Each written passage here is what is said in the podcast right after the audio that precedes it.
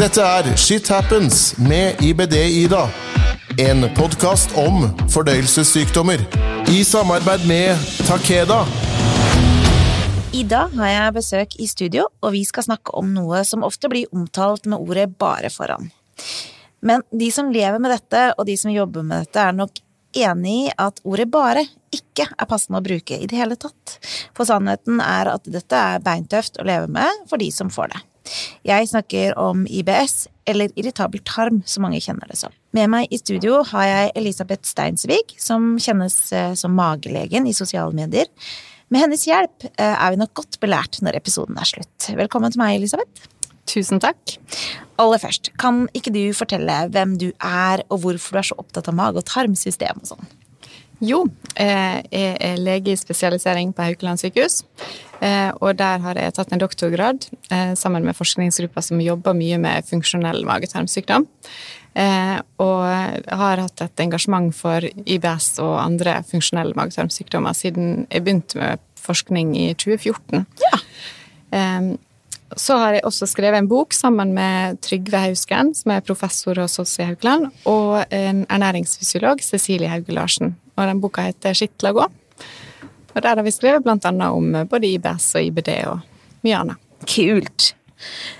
Så mange som 15 av den norske befolkninga har IBS. Og det eh, vet jo du mye om. Eh, det finnes sikkert også mørketall her. Eh, hva tenker du er årsaken til at så mange i Norge sliter med magen? Jeg tror egentlig at det er helt vanlig eh, generelt i verden. Jeg tror ikke vi har spesielt mye mer i Norge enn eh, det som er det vanlige mm. på verdensbasis. Eh, men vi har jo mulighet til å kartlegge godt i Norge. Mm. Eh, og hvorfor det er slik, det skulle vi gjerne visst. Mm. Gi oss svar. Ja. en av de spørsmålene som jeg ofte får, da, er hva er forskjellen på IBD og IBS? Eh, jeg har sagt det mange ganger, men du som lege, kan du ikke gi oss svaret? ja. Eh, symptomer er jo veldig like. Eh, det kan oppleves som veldig vanskelig å skille mellom hvis man bare ser symptomer alene. Men eh, når vi ser på slimhinnene, altså inne i tarmen, så ser vi stor forskjell på om det er IBS eller om det er IBD. Mm. I hvert fall hvis det er uttalte forandringer. For ved IBD så ser vi sårdannelser og slimhinneforandringer, og at det, det, kan være skikkelig betennelse. Og det kan også bli arrdannelser og mange komplikasjoner som eh, mange sikkert har hørt om før. Mm. Mens med IBS så er symptomer, som er typisk sånn diaré eller forstoppelse, magesmerter magesmerte ikke minst, eh, og de kan være veldig uttalte, men når vi undersøker tarmen, så ser den helt normal ut. Mm. Og blodprøvene, som f.eks. CRP eller eh, leukocytter og de andre slike infeksjonsprøvene, er normale. Og avføringsprøvene er normale eller lett forhøya.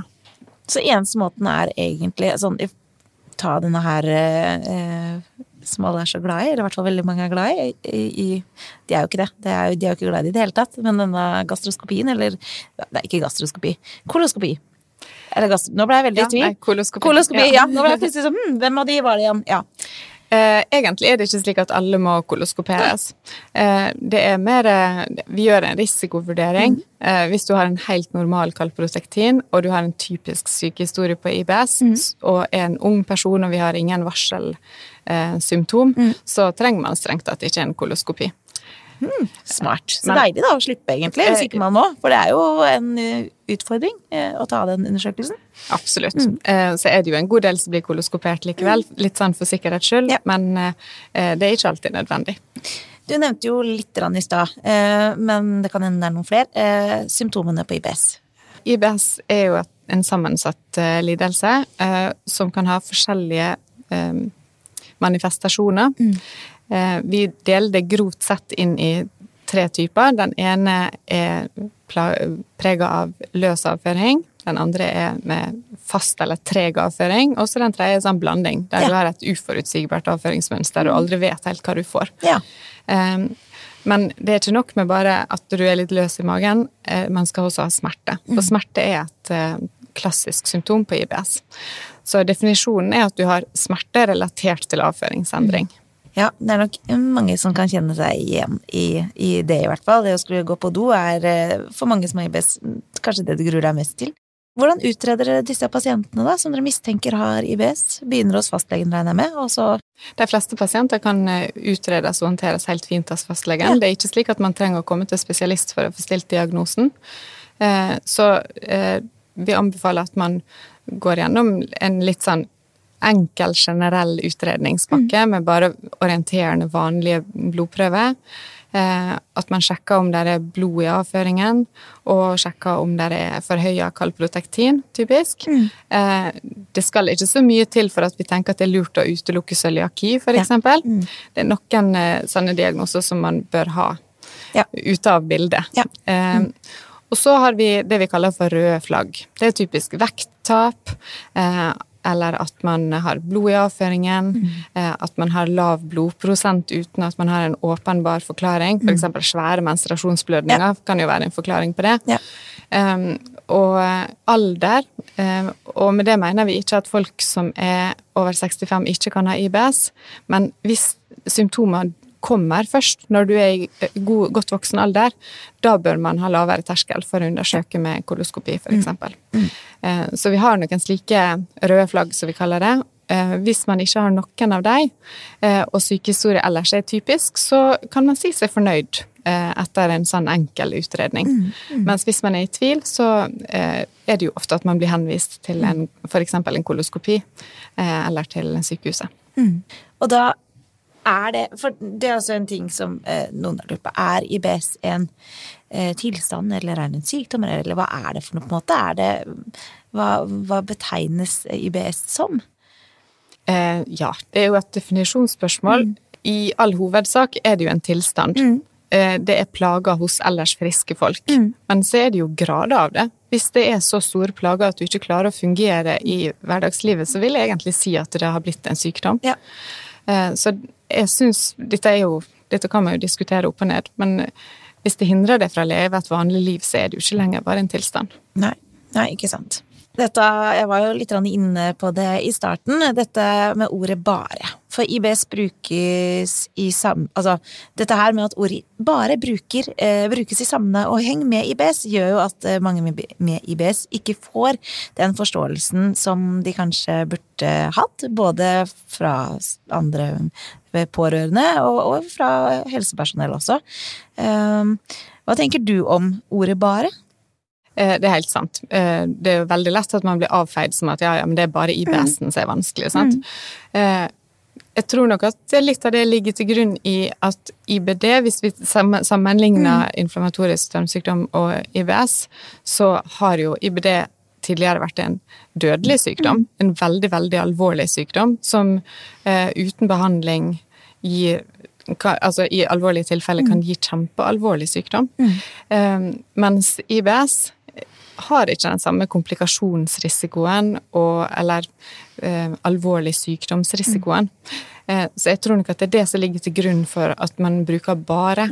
Så bare handler vel egentlig mer om de såra vi ser på tarmen, heller enn om hvordan det oppleves for pasienten. Mm. for symptomer er virkelig ikke bare bare. Nei, og det er det jeg ville litt fram til, for at, de, at dere som helsepersonell eller leger bruker ordet bare, kan jo være forklaringa der, ikke sant? Man tenker at ja, man skal jo være glad for, på en måte, glad for i Gåstein, at det bare er eh, IBS, men eh, når eh, andre utenom det, da, eh, vanlige friske mennesker begynner å si at IBS bare eh, er IBS, så tenker jeg at da er det litt annerledes, fordi da er det ofte eh, heller en bagatell bagatellisering da, som ligger til grunn, og det er jo eh, noe helt annet. Ja, For det er som du sier, det er virkelig tøft for de som lever med dette her. Absolutt. Så eh, vi som jobber mye med IBS, kaller det ikke bare IBS. Nei, det er bra. Ja. Men, men eh, for å gi oss litt sånn eh, innblikk i hvordan et eh, liv da med IBS kan være, eh, har du noen eh, Hvordan er det for pasientene å ha dette her? Ja, eh, det det er jo utrolig stor variasjon. Ja. Men vi har et spørreskjema som vi bruker litt i, eh, særlig i forskning, som kartlegger litt den psykososiale belastninga som ligger rundt det å ha IBS. Så det er et av de spørsmålene Det første jeg gjør, er å kartlegge hvor toalettet er når Ja. jeg kommer til et nytt sted. Ja. Eh, og den syns jeg er veldig betegnende. Eh, og det gjelder jo for alle som lever med kronisk diarélidelser. Det med at du alltid må vite hvor nærmeste do er, og at du aldri vet helt hvordan tarmen vil være, og at det er typisk at du har spist noe nytt, så tålte ikke du det. Og også det å skulle forklare uten at du egentlig har så lyst til å forklare, for det å snakke om avføring er, det er ikke sånn som du vil snakke med alle om, sant? Mm. Så dine nærmeste kan kanskje vite hva det går i, mens folk flest så blir det bare litt sånn ja. Mm. ubehagelig fort mm. å skulle snakke om det. Ja. Og så eh, påvirker det jo livet veldig mye. Mm. At det å skulle gå på restaurant eller være på jobb. Tenk deg å stå i butikk og jobbe, og så må du bare på do. Mm. Eh, og så er det ingen andre som kan stå der og ta kassa for det. Så må du løpe. Hvordan mm. skal du få det til? Mm. Det er jo helt umulige situasjoner ofte. Mm. Eh, så er det også det med smerte, som kan være veldig vanskelig å forstå, og som jeg tror mange pasienter opplever at de ikke får god nok hjelp til. Og det er nok delvis fordi at vi kommer veldig fort til kort i medisinen med å hjelpe med de smertene som mm. IBS-pasientene opplever. For det vi vet, er at eh, vanlige smertestillende, sånn morfinlignende smertestillende, har dårlig effekt mm. med IBS-plager, mm. og det gir gjerne større problem. Mm. Uh, og en, å ta en vanlig smertestillende sånn som man får kjøpt på butikken, har heller ikke alltid så god effekt. Og det gjør at man Vi har lite, som mm. leger har vi lite å tilby, og pasientene får lite hjelp, mm. og det blir en dårlig sirkel. Mm. og det blir, Da kan man føle enda mer på hjelpeløshet og oppgitthet over at mm. man ikke får hjelp. Jeg tror i hvert fall Selv så har jeg jo både IBS og IBD, og, og, um, og, ja, det er veldig likt. Og noen ganger så kan det være sånn hm, Er det IBD-en, eller er det IBS-en? Altså, det kan være litt frustrerende mm. å, å, være, å, ha begge to, men jeg må si at den beste smertelindringen jeg uh, Altså, jeg vet ikke hva jeg skulle gjort uten, det er risposer. Varme risposer. Jeg, altså, det gjelder jo begge deler. Både på rygg og mage. Det er, det er min uh, ja, reddende Jeg har det med meg overalt. Det er et kjempegodt tips. Mm. Ja, og det, det, er faktisk eh, det eneste som jeg føler redder hverdagen til tider. Mm. Risposer. Syr mine egne, rett og slett. Vi eh, ser jo at eh, mange med IBD også har IBS, eh, noe som kanskje kan komplisere det, både for dere som behandler oss, selvfølgelig, men også for oss pasienter. Eh, hva ser du på som den største utfordringen da, med å ha begge to? Altså begge både IBS og IBD? Ja, behandlinga er jo veldig forskjellig. Mm. For hvis du har eh, en i utgangspunktet godt behandla IBD, og så får du en episode der du blir dårligere i magen med økende diaré og kanskje økende smerte, da er jo spørsmålet er det fordi at IBD-en din krøller seg til, ja. eller er det bare mm. UBS. Mm. Åh, det er så frustrerende, vet du. Ja. og da vil jo behandlinga være veldig forskjellig. For ja. hvis du har en eh, episode der du har en, et oppbluss av IBD-sykdommen, så er det jo mange medisiner man skal ta, og da er det å ringe IBD-poliklinikken, mm. og kanskje man må starte opp med biologisk, eller mm. sant. Det er, det er så mange ting der. Mens hvis det er IBS som er årsaken, så er tilnærminga en helt annen. Mm, mm. Så det er jo en kjempeutfordring for pasienten, og det kan være en utfordring for oss som sitter der på IBD-poliklinikken også. Eh, og da er det jo denne her elskede avføringsprøven ja. kommer inn, for den hjelper oss veldig. Mm. Og eh, det at vi har Eh, mange pasienter, Jeg kan se for meg at mange syns det er et ordentlig mas. Mm. At man hver gang man er inne for å få behandling, så skal man ha med seg den avføringsprøven. Men litt av det er for at vi kan se trender over tid. At vi har mange avføringsprøver også når pasienten har lite symptom. Mm. Så kan vi se når man da har økende symptom, er det da betennelse i tarmen som er årsaken, eller er det bare helt stabilt, mm. Mm. og at vi da tenker heller IBS? Ja. Så mm. der kommer den inn. Ja. Og, og, ja, det er jo noe herk, det er jo ikke noe tvil om. Men jeg tenker mye heller det enn å måtte For, for uh, jeg fikk jo min utdannelse Jeg fikk jo min diagnose da jeg var 17, og det er over 20 år siden. Mm. Uh, og jeg husker bare på de tre første åra Altså, jeg hadde så mange skoperinger. Mm. Uh, og det var liksom, og så var jeg fra sykehus til sykehus til sykehus, og ingen var fornøyd med skopering som var tatt på de andre sykehusene, måtte gjøre det igjen. Uh, men når de begynte med disse avføringsprøvene, så er det klart at det har jo gjort at uh, det er ikke like mange skoperinger. Mm. Så hvis man skal velge mellom å ta en avføringsprøve kontra en skopering så ofte, da, så er det jo ikke noe tvil om at det er veldig lett å ta en avføringsprøve, tenker jeg. Absolutt. Mm. Ja. Uh, og så må vi bare tåle disse skoperingene innimellom, innimellom, selv om ikke det er det beste vi gjør. Nei, det er klart. Ja. Men uh, helt utenom slipper vi ikke. Ja, det er noe med det. Ikke enda i hvert fall. Og så får vi håpe at det blir framtida en eller annen gang. At vi slipper de. du, eh, før vi hiver oss over spørsmål eh, som har blitt sendt inn, så har jeg lyst til å snakke litt om hvordan IBS behandles. Fordi dette her kan jeg ingenting om i det hele tatt, altså annet enn det lille jeg vet om meg selv. Men jeg har lyst til å vite mer. Ja, det er jo en ting som har blitt veldig populært de siste åra. Kanskje de siste ti åra har det vært veldig mye snakk om en diett som kalles for lavfodmap-dietten. Mm. Den går ut på at man spiser mindre av eh, forskjellige typer matvarer som inneholder karbohydrater som ikke tas opp i tynntarmen. Det ble en lang forklaring. Eh, men poenget da er at de karbohydratene de går videre til tykktarmen, og der blir de eh, spist av bakteriene våre i tarmen. Og de bakteriene de lager forskjellige stoff, og det fører til at du får økt væske i tarmen og får økt diaré. Og det, eh, man tenker også at det kanskje kan bidra litt til betennelse og sånt. Det er god behandling for ca. 60% av pasientene med ja. diaré-dominert eh, IBS. Mm. Eh, og det er verdt et forsøk hvis ikke du har noen eh, Altså hvis det er for spesielle forhold som f.eks. For at pasienten har vanskelig med å få i seg nok mat, eh, hvis vi er bekymra for spiseforstyrrelser, mm. de som har hatt det tidligere f.eks., da begynner ikke vi med en voldsom Sånn? Nei, det ser jeg jo ja, kanskje ikke er lurt. Ja, det skjønner jeg. Eh, og så må du være motivert, for den er krevende. Den gjør at du må kutte ut veldig mye vanlige, egentlig sunne matvarer. Mm. Så det er en belastende diett å stå på over lang tid. Eh, mange pasienter har nok vel så godt av å stå på en litt mer tilpassa FODMAP-diett, mm. eh, og kan trenge hjelp til å, å finne en, sin gylne middelvei. Mm. Eh, så har jeg inntrykk av at det har vært en misforståelse blant mange både pasienter og helsepersonell om at FODMAP hjelper for alt som er funksjonelt. Eh, og Der vil jeg gjerne bare benytte anledninga til å si at nei, det har vi ikke holdepunkt for. Nei. det er for de som har mye diaré eller vekslende avføringsmønster at det, det har størst effekt. Mm. For de som har forstoppelsesprega IBS, så har det mindre verdi. Ja Altså der er det jo egentlig veldig bra å spise fiber, mm. og du går glipp av en god del fiber når du spiser lavfòrmat. Ja, ikke sant. Mm. Eh, ellers så har man eh, Da må man se litt mer målretta, og det, da handler det jo om å gjøre en god kartlegging for oss som er leger, eh, og finne ut hva er det som er hovedplagen til pasienten. Mm. Eh, er han litt løs i magen, men det går egentlig fint, men det er smertene som er problemet, så må vi gå mer mot smertebehandling.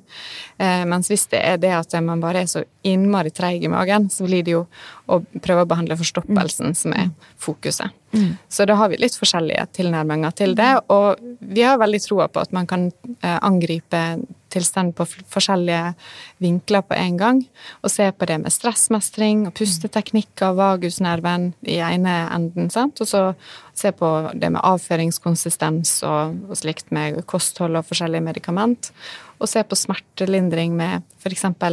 Eh, noen typer antidepressiva og slikt. Mm. Så at man ser flere ting på en gang. Mm. Du nevnte vagusnerven. Det er ikke sikkert alle vet hva det er. Fortell! Fortell. ja. Eh, nervesystemet i magen, eh, det styres i veldig stor grad av det ubevisste nervesystemet, hvis vi kan kalle det det. Mm. Eh, og da er det vagusnerven, som er en av hjernenervene, som er den viktigste eh, faktoren her. Eh, og det er mye snakk om den i noen følger kanskje noen folk på sosiale medier og sånn som snakker mye om det for tida. Og det er, vi syns det er fint at den er, har fått litt vind i seila. Mm. Når vi er stressa, så har vi en dårlig vagusaktivering. Ja. Mens når vi er rolige og puster godt og liksom puster med magen og senker skuldrene, da har vi en bra vagusstimulering. Mm. Og når vi er slik i en avslappa tilstand, da går fordøyelsen best. Ja. Og det gir jo mening. Mm. Eh, hvis du er på flukt og må løpe fra en eh, tiger, sånn som skjer rett som det, eh, så passer det jo dårlig. Da, da er ikke hovedprioriteten til kroppen å, å fremme god fordøyelse. Da er det andre ting vi prioriterer mm. i kroppen vår. Mm. Da skal hjertet slå fort, og vi skal ha godt oksygenopptak, og blodet kan ikke prioriteres til magen. Nei. Eh, men det er veldig sjelden at vi jages av tigre i mm. dagens samfunn, og likevel så går vi ofte med veldig høyt stressnivå i kroppen. Så det gjelder jo å prøve å unngå å være i sånn her tigerflukt mm. på det jevne, mm. og heller prøve å finne en eh, litt mer balanse i kroppen.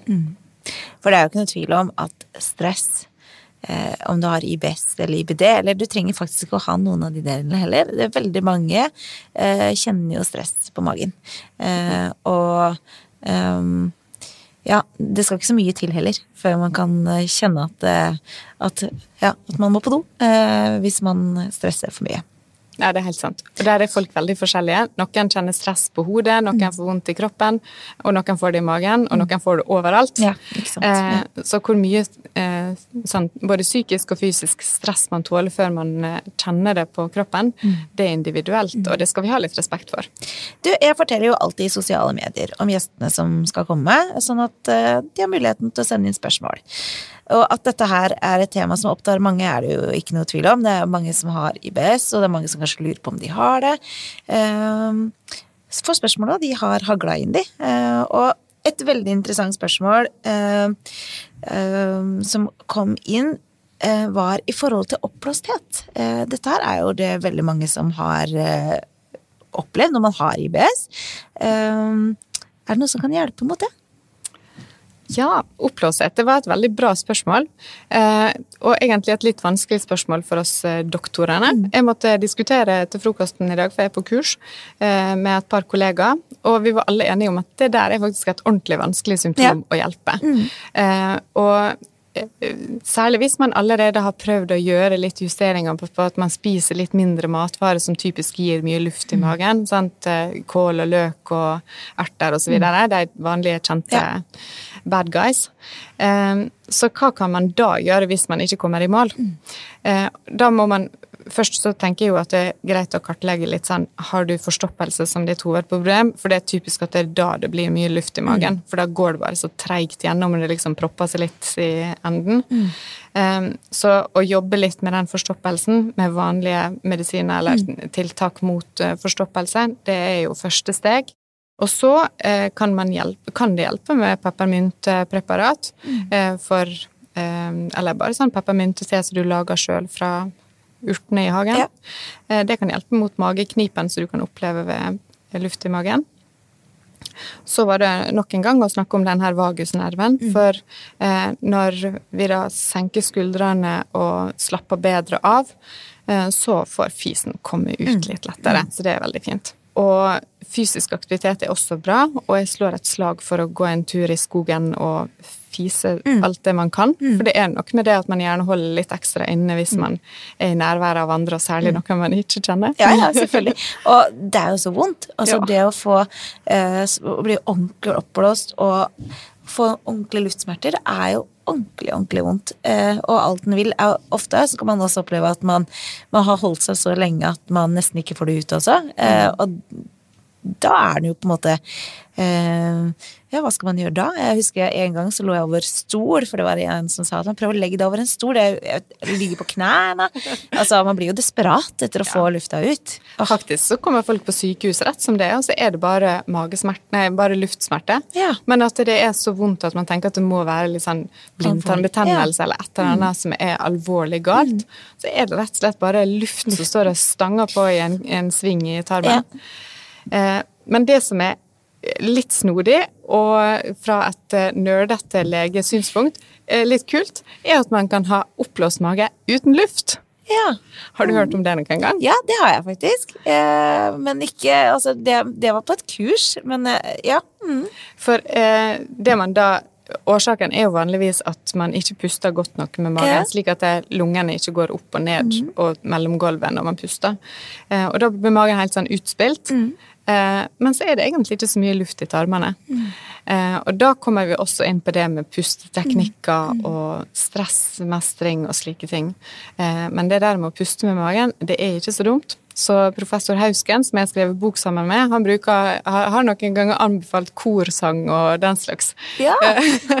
så synge i kor, eller spille i korps, eller gå på yoga. Gjøre sånne ting der du eh, må puste. trene deg på å puste ja. godt inn, fylle lungene skikkelig opp. Og, eh, det kan være faktisk bra eh, ja. Tips. Sosialt òg, da. Ja, absolutt. Det er gode tips å få med seg, det der. Jo, og så er det jo sånn at eh, IBS eh, kan man jo også eh, få når man har andre diagnoser, eh, uten at det er mage og tarm involvert. Altså som en sånn tilleggsdiagnose, da. Eh, hvor vanlig er IBS egentlig at man i forhold til andre ting, da, i andre sykdommer også? Eh, ja, eh, nå har jeg ikke tallet akkurat i hodet, men det er veldig vanlig at man har andre plager som eh, man tidligere har kalt sånn medisinsk uforklarlige mm. sykdommer. Jeg tror vi har gått litt bort fra ja. det begrepet nå. Mm. Eh, men andre tilstander som også er slik at vi ikke kan se et sår på et eller annet, eller måle en betennelse. Ja. Eh, så typisk er jo da f.eks. fibromyalgi, mm. som man kan se mye av, eh, og generelt muskel- og skjelettsmerter. Ja. Eh, det er vanlig med andre funksjonelle magetarmsykdommer, som funksjonell dyspepsi og kvalme og den slags. Så er det en stor overlapp også mot både migrene og andre hodepinelidelser.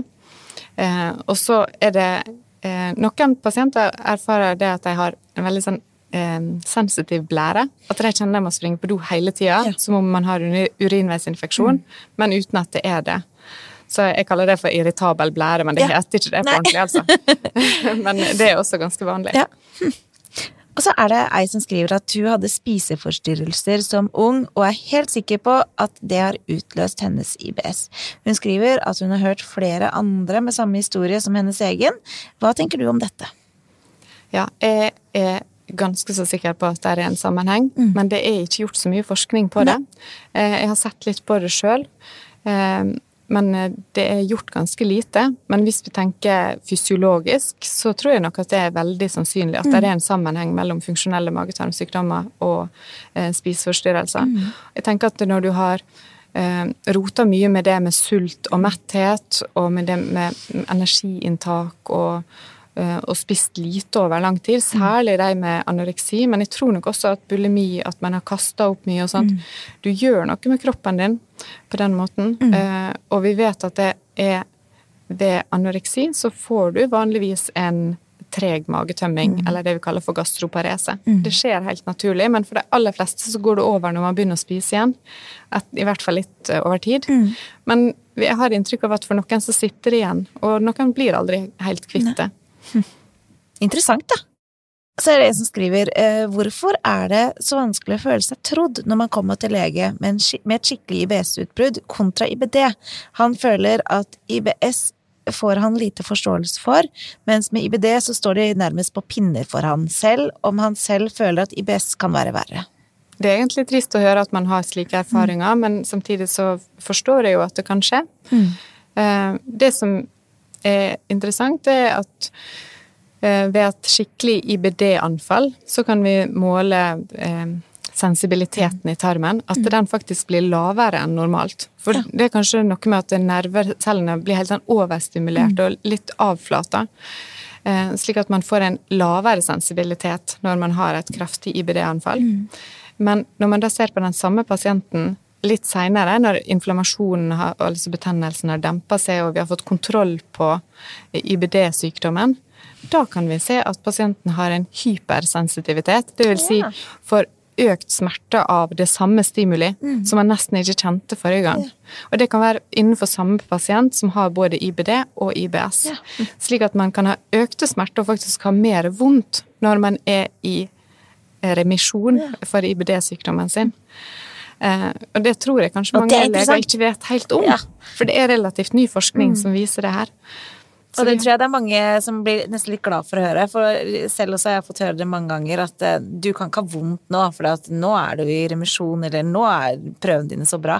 Mm. Eh, og så er det nesten eh, som å Altså å, Det er fryktelig provoserende, for, mm. for, smerten er jo der, ikke sant. Og som pasient så, så sitter man og river seg i håret og litt sånn Husker en gang jeg sa det at jeg tror du virkelig hadde vært her?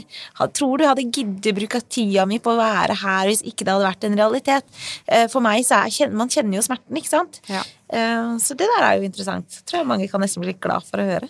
Ja, og jeg har enda mer gode nyheter, for jeg diskuterte det her med en av eh, IBD-legene på sykehuset mitt, og hun sa det at det, det, her var virkelig en av de tingene som du snakka mye om på den forrige konferansen hun mm. var, der det snakkes om IBD. Mm. Så det er faktisk litt økende fokus på det, og det opplever jeg også blant legene som jobber med IBD på mitt sykehus. Ja. Så det er veldig positivt. Mm. Ja, det er jo kjempe, kjempebra. Men sånn, hva kan man gjøre da for å øke kunnskapen rundt dette med IBS, tenker du? Eh, ja. Jeg tror jo at det er viktig at vi fortsetter å forske på det, at vi har en oppmerksomhet på det, vi som jobber med, med saken, eh, og alltid prøver å eh, lete etter nye forklaringsmodeller mm. på det vi observerer. Mm. Det er også veldig viktig at vi hører på dere som er pasientene, og ikke bare har bestemt oss for svaret før vi, før vi møter dere. Mm. Se på blodprøven og kalprotektinen, og så mm. sier vi ja, men her var jo alt bra. Ja. Eh, så det tenker jeg er kjempeviktig.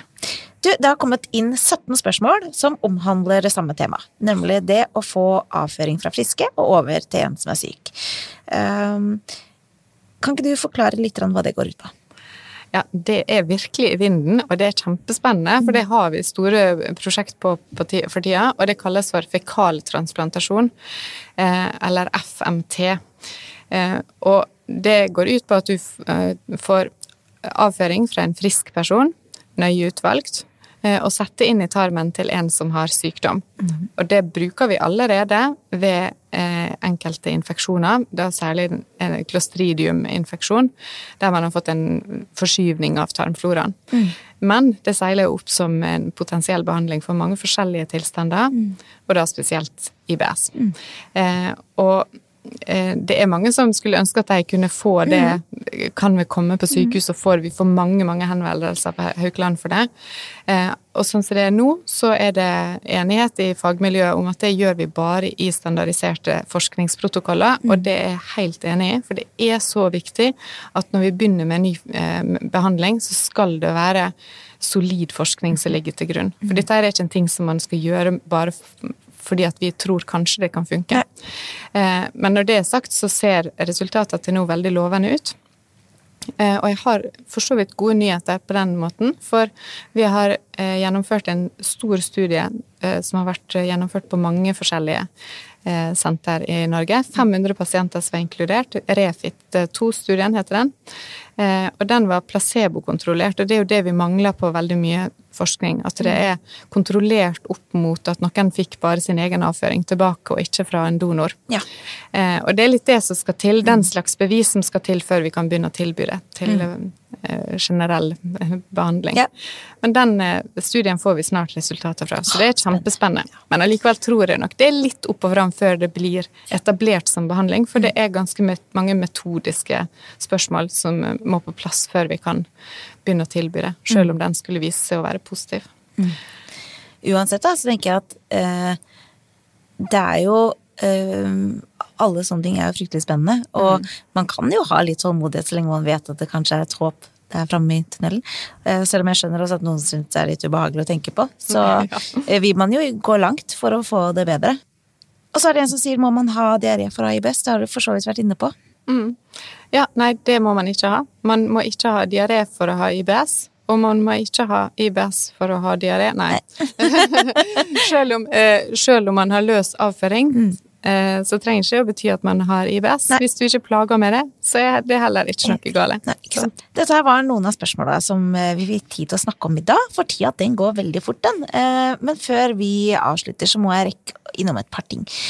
For du har skrevet en bok sammen med to til. En bok om fordøyelsen. Kan ikke du fortelle litt om hvorfor, og ikke minst hva boka handler om? Ja, boka heter 'Skitla gå, og den handler om både den friske tarmen med alle dens forunderligheter, og hvis du noen gang har, spørsmål, har lurt på hvorfor bæsjen er brun, eksempel, mm. så får du svar på det i denne boka her. Kult. Eh, men det handler også om de vanligste sykdommene, for det er nå tross alt det vi mm. er ultranerd etterpå. Eh, og jeg kan jo ikke forstå noe annet enn at alle andre syns det er interessant å lære om alle mulige slags sykdommer. så det handler om alt fra helt banale sykdommer som eh, omgangssyke og den slags, til de vanlige eh, tarmsykdommene som IBD, IBS, cøliaki, og også ganske mye om kreft i magen. Eh, og det handler om eh, å leve med en tarm som har vært syk, med å leve med stomi eller mm. stråleskada tarm, som mange har etter kreftoperasjoner mm. eller kreftbehandling. Eh, og så har vi eh, litt om eh, magen gjennom livet, om kvinnemagen og mm. barnemagen. Spennende! Bare glede seg til å lese. Mm. du, jeg pleier også å spørre mine gjester om de kan gi tips eller råd. Har du noe å dele? Jeg tror kanskje det viktigste jeg vil si, er at selv om vi sier at det er ikke bare, bare mm. å ha IBS, så er det ikke farlig. Mm.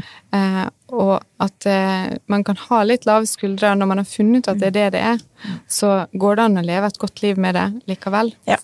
Eh, og jeg bruker å trøste pasientene mine, eller i hvert fall prøve å trøste, med å si at det, når du har det så gale som du har det nå, det her, slik skal ikke være hele livet. Det går litt opp og litt ned, eh, og det er ikke like gale hele tida. Ja, og det tenker jeg er en fin, en fin eh, avslutning òg. Eh, eh, er det noe håp da for at man kan bli helt kvitt den IBS-en i framtida? Ja. Eh, noen blir kvitt sin IBS, og særlig de som har fått det etter en infeksjon. Ja. Så vet vi at prognosen er ganske god. Og så for andre så går det litt opp og ned gjennom livet. At IBS er et tema mange er nysgjerrig på, er det jo ikke noe tvil om, og kanskje er det ikke så rart når vi vet at så mange er berørt av det. Tusen takk for at du kom hit til meg i dag, Elisabeth, og har du lyst til å lese boka Elisabeth har skrevet, så heter den da Skitt la gå, en bok om plager, sykdom og resten av tarmens forunderlige liv. Den finner du der du kjøper bøker. Tusen takk for at du kom. Tusen takk for meg. Husk at åpenhet det gir kunnskap, og kunnskap det gir trygghet. Om du som hører på har spørsmål til dagens episode, ris eller ros, ønske om tema, tips til gjest, eller kanskje du ønsker å dele din historie, så send mail på ibd-ida alfakrølloutlook.com. Du finner meg på Facebook som ibd-ida, og på Instagram som shithappens-med-ibd-ida. På TikTok som ibd-ida. Til vi høres igjen, fortell legen alt, også det du synes er flaut eller vanskelig. Kanskje er hjelpen nærmere enn du tror. Du hørte Shit Happens med IBD-Ida. En podkast om fordøyelsessykdommer. I samarbeid med Takeda.